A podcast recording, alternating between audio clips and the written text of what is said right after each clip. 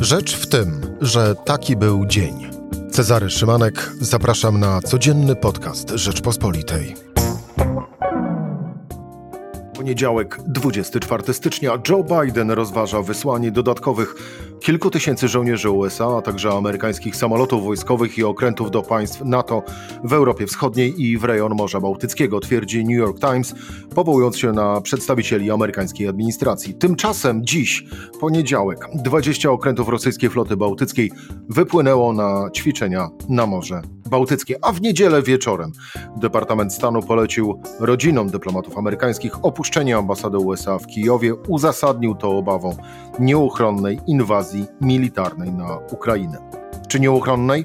O tym Jędrzej Bielecki, rzecz w tym, że zapraszam Cezary Szymanek. Słuchaj na stronie podcasty.rp.pl. Włącz Rzecz w tym w serwisie streamingowym. Jędrzej Bielecki, dział zagraniczny Rzeczpospolita. Jędrzej, dzień dobry. Dzień dobry. Jędrzej, co oznaczać może wysłanie kilku tysięcy amerykańskich żołnierzy do krajów NATO, ale położonych e, w Europie e, Środkowo-Wschodniej, czyli między innymi do Polski? Czy to oznacza, że koniec dyplomacji, szykujemy się do wojny? No, rzeczywiście to oznacza zwrot w polityce amerykańskiej, dlatego że jeszcze do piątku, czyli do spotkania w Genewie y, sekretarza stanu Antoni Blinkena z ministrem spraw zagranicznych Rosji Sergiejem Ławrowem, polityka Białego Domu była inna. Tutaj dominowało takie myślenie, żeby nie prowokować y, Putina, skoro jednym z jego dwóch najważniejszych żądań było wycofanie sił alianckich z krajów flanki wschodni, no to y, owszem, Amerykanie mówili, że czegoś takiego nie zrobią, no ale przynajmniej y, chodziło o to, żeby nie wzmacniać y, w takim momencie tych sił alianckich, no bo to byłoby y, być może uznane za prowokację przez Kreml. No ale te rozmowy w Genewie w piątek spełzły na niczym. Amerykanie zrozumieli, że jedyne co można y, zyskać to kilka dni, y, ale nie zmienić stanowiska Rosjan. No i w związku z tym Biden zdecydował się na zwrot w swojej polityce.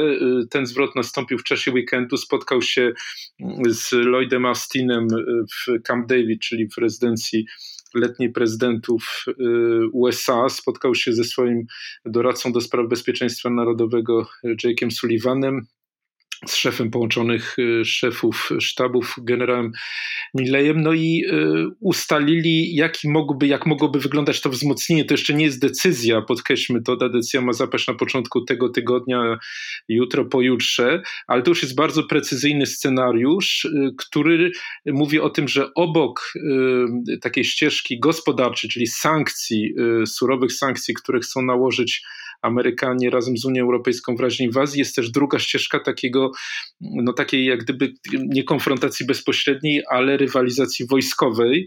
To ma przypomnieć Rosjanom bardzo przykre doświadczenie, jakie przeżyli w latach 80., kiedy Ronald Reagan uruchomił wyścig zbrojeń, którego Związek Radziecki nie wytrzymał. Teraz um, na razie nie jest to wyścig zbrojeń, ale już taka właśnie rywalizacja wojskowa. Co prawda mowa jest o um, opcji od tysiąca do pięciu tysięcy żołnierzy w Polsce, krajach bałtyckich, więc stosunkowo niewiele, ale też Amerykanie sygnalizują, że ta liczba mogłaby wzrosnąć dziesięciokrotnie, gdyby tego wymagało zagrożenie ze strony, po stronie rosyjskiej. Mówią, że to jest też odpowiedź na wysłanie wojsk rosyjskich y, na rejony przygraniczne Białorusi z Polską.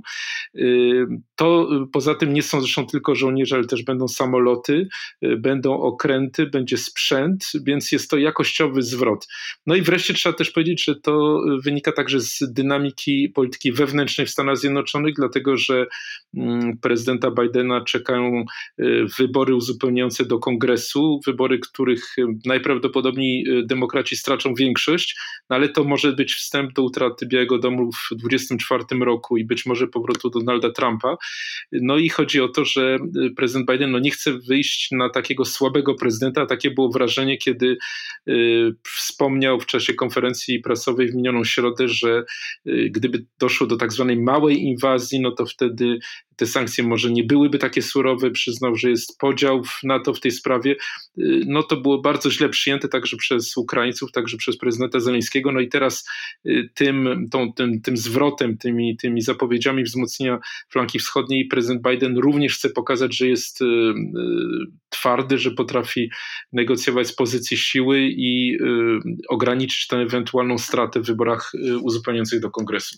No właśnie, Jędrzej, ale czy to dalej są negocjacje, jeżeli mówimy o zwiększaniu obecności wojsk amerykańskich e, w naszej części e, Europy, czy też to jest już rzeczywiście realne przygotowywanie się do rosyjskiej inwazji na Ukrainę?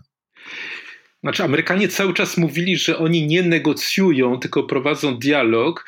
Y, to jest może subtelna różnica, ale chodziło im o podkreślenie, że oni nie będą negocjowali w sytuacji, kiedy elementem negocjacji wysuniętym przez Rosjan jest groźba inwazji, że oni nie będą wchodzili w tego typu rokowania.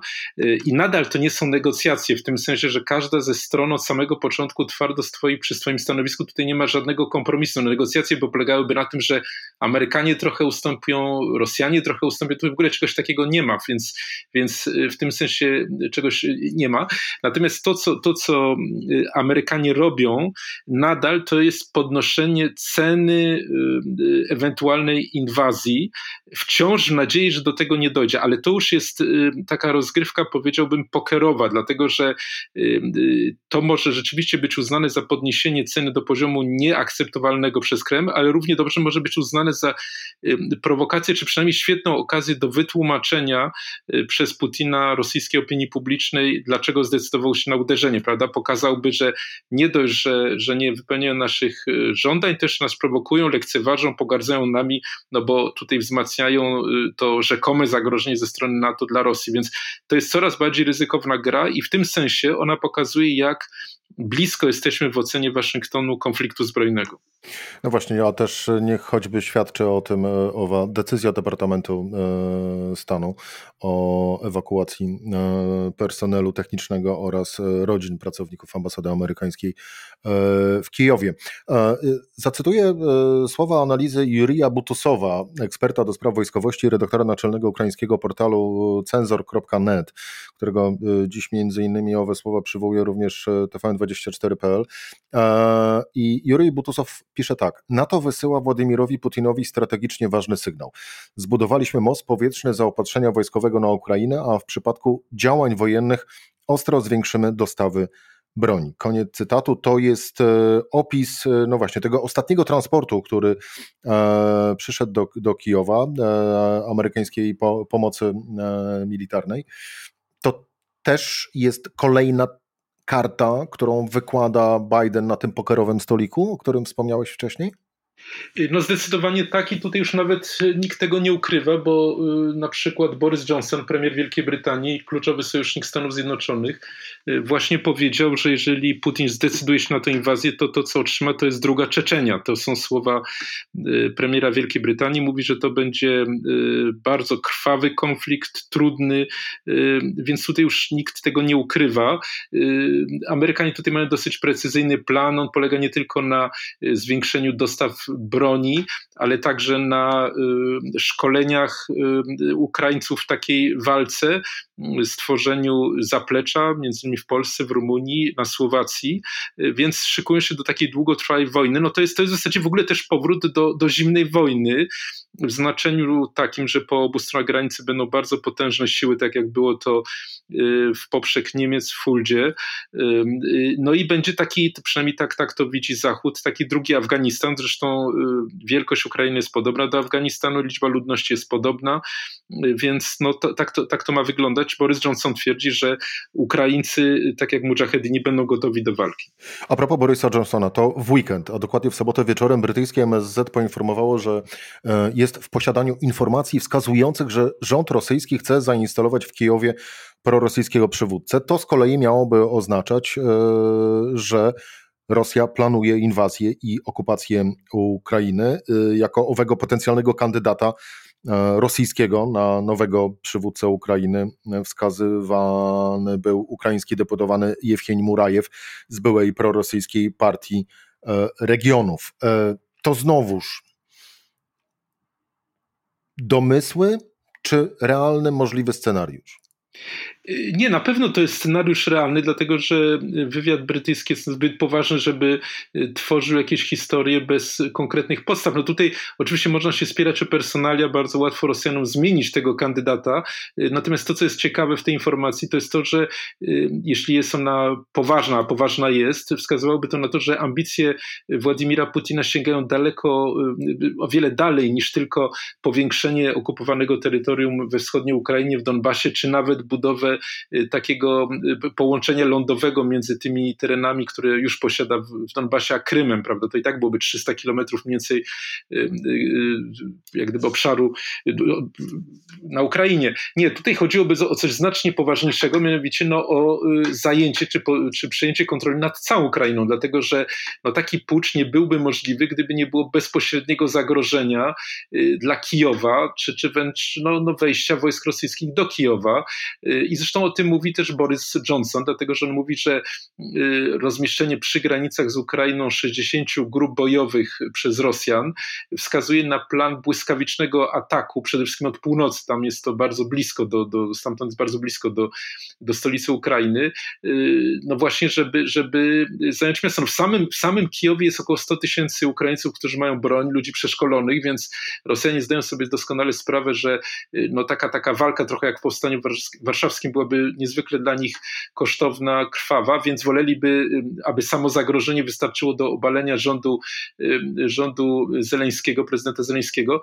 No ale tak jak w każdej wojnie, tutaj to może pójść w bardzo różnych kierunkach i, i czy rzeczywiście ten plan się powiedzie, no tego nie wiadomo. Natomiast najciekawsze w tej informacji brytyjskiej, tak jak mówię, jest to, że pokazuje skalę ambicji, bardzo daleko idących ambicji Władimira Putina. No, z drugiej strony wszyscy mamy w pamięci widoki i obrazki e, z ukraińskiego Majdanu, e, gdzie widzieliśmy na własne oczy, e, ile Ukraińcy są w stanie poświęcić dla swoich marzeń o wolności tak naprawdę. Tak, tak tylko od razu chyba warto też oddać im sprawiedliwość, że przez te, no już w tej chwili 8 lat, będzie niedługo 7,5, bardzo wiele się nauczyli, są znacznie lepiej zorganizowani, już nie tylko jest kwestia determinacji, patriotyzmu, ale też właśnie po prostu opanowania sztuki wojennej, to już jest zupełnie inna armia, to już jest zupełnie inne społeczeństwo, bez złudzeń wobec Rosji przygotowane i, i, i tym trudniejsze byłoby wyzwanie dla Rosji. Ja bardziej się odwoływałem, Jędrzej, do tego, co, e, co jest w sercach, a nie w rozumie. W sercach to, zdecydowanie się zgadzam. To, że rozum nadgonił ten zapał, który jest w sercach, to, to w ogóle bez dwóch, bez dwóch zdań. E, Jędrzej, przywołam jeszcze jedno wydarzenie e, z weekendu, ale jest ono tym ważne, im coraz więcej głosów dotyczących Rosji pojawia się w Unii Europejskiej. Ale najpierw zacznijmy od owego E, wydarzenia. Wydarzenie dotyczy wiceadmirała Kaja Himaszenbacha, czyli dowódcę niemieckiej marynarki e, wojennej, który e, w czasie dyskusji w jednym z indyjskich think tanków powiedział, że Półwysep Krymski zaanektowany przez Rosję w 2014 roku został utracony przez Ukrainę i że już przepadł i że nigdy nie wróci, to jest fakt. Tak mówił wiceadmirał, a jednocześnie dawał do zrozumienia, że prezydent Rosji to, czego on chce, to chce być po prostu szanowanym i traktowanym e, na równi i to jest cytat z wiceadmirała. Mój Boże, mówił, okazywanie komuś szacunku prawie nic nie kosztuje, nic nie kosztuje. Jeśli ktoś by mnie zapytał, łatwo jest oddać mu szacunek, którego się domaga i na który zapewne zas nas zasługuje. E, to koniec cytatu ze słów e, wiceadmirała, dowódcę niemieckiej marynarki wojennej, a właściwie już byłego dowódcę niemieckiej marynarki wojennej, gdyż gdy owe słowa zostały upublicznione, podał się y, do dymisji. Przywołuję to wydarzenie nie bez powodu, bo ono prowadzi mnie do podstawowego pytania: jak szeroka jest w Unii Europejskiej, parafrazując popularne powiedzenie, ukryta opcja rosyjska? No, tutaj oczywiście jest bardzo wiele y, stopni szarości yy, i bardzo to się miesza z y, interesami gospodarczymi. Ja mogę y, odpowiedzieć to, na to w ten sposób, że właśnie rozmawiałem z minister do spraw europejskiej Finlandii, panią Tuporainen, która reprezentuje kraj, no jeden z najbardziej zagrożonych atakiem rosyjskim państw Unii Europejskiej, 1300 kilometrów granicy z Rosją. Zadałem jej pytanie o Nord Stream 2, o tym, czy o to, czy uważa, że postawa Niemców, którzy wciąż nie chcą jasno powiedzieć, czy w razie inwazji na Ukrainę to będzie projekt martwy, czy nie, czy taka postawa jest skandaliczna. Ona wszystko robiła, żeby uniknąć tej odpowiedzi. Y, nie chciała powiedzieć, jak daleko te sankcje mogłyby sięgać, na co się zgodziła Unia Europejska oficjalnie, po to, żeby Władimir Putin y, zadawał sobie pytanie, faktycznie ta odpowiedź no, zdradza głębie tych wątpliwości. Bo przecież to nie chodzi tylko o Niemcy, chodzi również o Francję i o przemówienie prezydenta Macrona z zeszłej środy w Parlamencie Europejskim, w którym mówi, że Y, on podejmie w tej chwili rozmowy w Unii Europejskiej nad budową alternatywnego systemu bezpieczeństwa i, i zaproponowania tego systemu bezpośrednio Rosji w momencie przecież, kiedy Amerykanie próbują budować jednolity front Zachodu, kiedy potrzebna jest jedność, żeby Putin, Putina powstrzymać. Y, mówimy o dwóch najważniejszych krajach Unii Europejskiej, przecież ich jest znacznie więcej. Y, przypomnę słowa premiera trzeciego najważniejszego kraju, Włoch, premiera Dragiego, który mówił o tym, że ta to zagrożenie dla Ukrainy nie jest poważne, że trzeba z Rosją się dogadywać, to już mamy trzy wielkie kraje, są przecież też mniejsze, takie jak Węgry, takie jak Austria, więc no niestety te linie podziału są, y, no są, są daleko idące, tu się mieszają interesy gospodarcze, no ale też po prostu i taka gotowość do, do, do, do ustęp wobec Rosji. No jedno jest pewne, że nie zwołując w tak kluczowym momencie szczytu Unii Europejskiej, prezydent Macron y, no daje sygnał, że te podziały są tak głębokie, że to byłoby bardzo smutny widok, taki szczyt, że Unia nie przedstawiałaby wspólnego frontu, no i jedyna nadzieja pozostaje w Amerykanach, to oni podejmują y, te odważne gesty y, o dostawie broni, o wysłaniu dodatkowych wojsk, o y, mobilizowaniu Zachodu ku takim surowym sankcjom, no bez nich to byłby dosyć smutny widok. Na chwilę pozostając przy Francji, e, no Macron jest również zakładnikiem kandydatów z prawej strony, jeżeli chodzi o urząd prezydenta. Dla przypomnienia wybory we Francji e, w kwietniu tego roku. No bo to, że Marine Le Pen to wiadomo, ale również Eric Zemmour, czyli również e, prawicowy, by nie powiedzieć ultraprawicowy kandydat na prezydenta, e, również dał jasno do zrozumienia, właściwie powiedział wprost, że Ukraina nigdy nie powinna wstępować e, do NATO, więc chyba możemy sobie też jasno określić sferę, a właściwie mapę rosyjskich wpływów. A propos Unii Europejskiej, Jędrzej, na koniec, to Ursula von der Leyen dziś zapowiedziała, że Unia Europejska przygotuje pakiet nadzwyczajnej pomocy makrofinansowej dla Ukrainy w wysokości miliarda 200 milionów e, euro. Więc to trochę tak jakby stało w sprzeczności z tym, co mówiłeś przed chwilą o tej braku jedności wśród y, państw Unii Europejskiej? Y, no nie, ja bym nie powiedział, że to stoi y, w sprzeczności, tylko raczej powiedziałbym, że to jest taki listek figowy, który ma zasłonić ten wstyd Unii Europejskiej, dlatego że no, po pierwsze te półtora miliarda no, to jest bardzo drobna suma, jeżeli przeliczy się chociażby na ilość mieszkańców Ukrainy, na potrzeby tego kraju, no ale przede wszystkim to nie jest pomoc, którą oni kiedykolwiek obejrzą, jeżeli Władimir Putin zdecyduje się na inwazję. To nie jest to, co oni w tej chwili potrzebują. No, potrzebują po prostu y, jasnego, jas, jasnego scenariusza sankcji, dostaw broni, y, no to, co, co pozwoli po prostu zwyczajnie przetrwać jasnego sygnału. No mówimy o y, Ursuli von der Leyen, która przez lata była ministrem obrony najważniejszego kraju Unii Europejskiej, która doskonale wie, czego potrzebują Ukraińcy. No, ona osobiście może by chciała im pomóc w inny sposób, może nie, no ale wiadomo, że z racji urzędu musi uwzględniać stanowisko wszystkich krajów, więc raczej to, to, to w ogóle nie jest porównywalne y, y, ze znaczeniem y, szczytu, na którym 27 krajów Unii Europejskiej przedstawiłoby na piśmie jasny scenariusz y, sankcji, na którym byłoby napisane na przykład, że Rosja jest odcięta od systemów finansowych, że Rosja nie, nie, nie będzie mogła dłużej sprzedawać nośników energii, że Nord Stream 2 były martwe. No to jest coś, co, co na pewno by zrobiło wrażenie na, y, na Władimirze Putinie i, i, i to jest też coś, co w przypadku Iranu okazało się niezwykle skuteczne, powstrzymać ten kraj przed sięgnięciem po, po broń atomową, więc to jest y, sposób wypróbowany, no ale Unia nie jest zdecydowana, żeby pójść tak daleko. Jędrzej Bielecki, dział zagraniczny Rzeczpospolita. Jędrzej, dziękuję Ci bardzo za rozmowę. Dziękuję najmocniej. Była rzecz w tym w poniedziałek. Cezary Szymanek do usłyszenia jutro o tej samej porze.